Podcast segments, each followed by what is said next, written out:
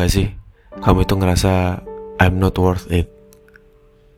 Orang selalu bilang, sayangi diri kamu sendiri, karena kalau bukan kamu, ya yang sayang sama dirimu siapa lagi? Tapi orang-orang itu gak pernah ngasih tahu gimana caranya. Kepercayaan diri yang udah hancur, itu tuh susah banget buat dibangun lagi. Dan itu cuma bisa dimunculkan sama diri kita sendiri.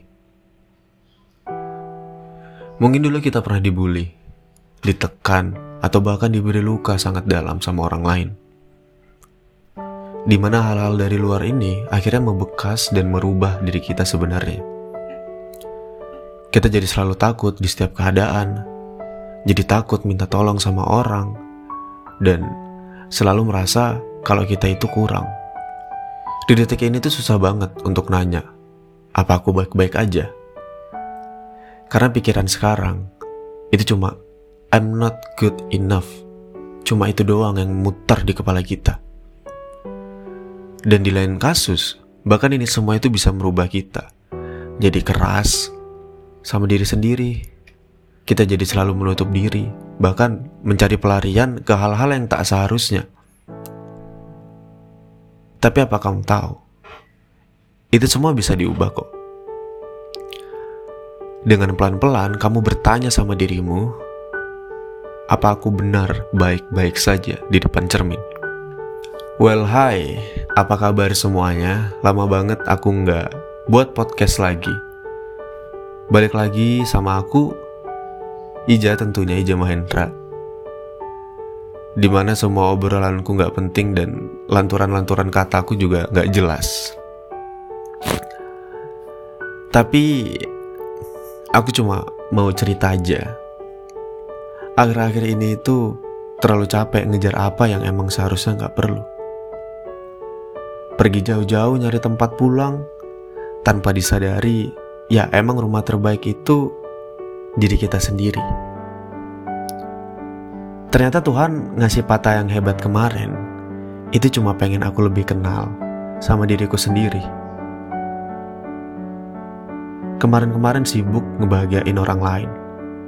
Sampai lupa, padahal ada diri sendiri yang harusnya dikasih kebahagiaan kan. Kalau kita emang gak punya rumah buat pulang, setidaknya jadilah rumah untuk diri kita sendiri. Kita sudah cukup jahat di cerita orang lain, dan kita emang selalu jahat di cerita orang lain.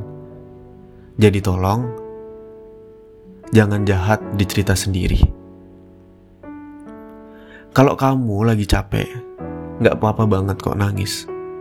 Setelah itu istirahat. Nggak usah ngerasa tertinggal dan nggak usah ngerasa kamu harus selalu baik-baik aja. Kayak orang lain yang mereka selalu kuat gitu. Sedangkan tujuannya kan sudah beda. Proses yang kita laluin jalannya juga sudah beda. Jadi ya kamu nggak bisa juga ikut-ikut, selalu baik-baik aja dan selalu tidak menangis di setiap sedihmu. Tetap menjadi versi terbaik dari diri sendiri. Bertahan sampai di titik ini ya emang bukan hal yang mudah.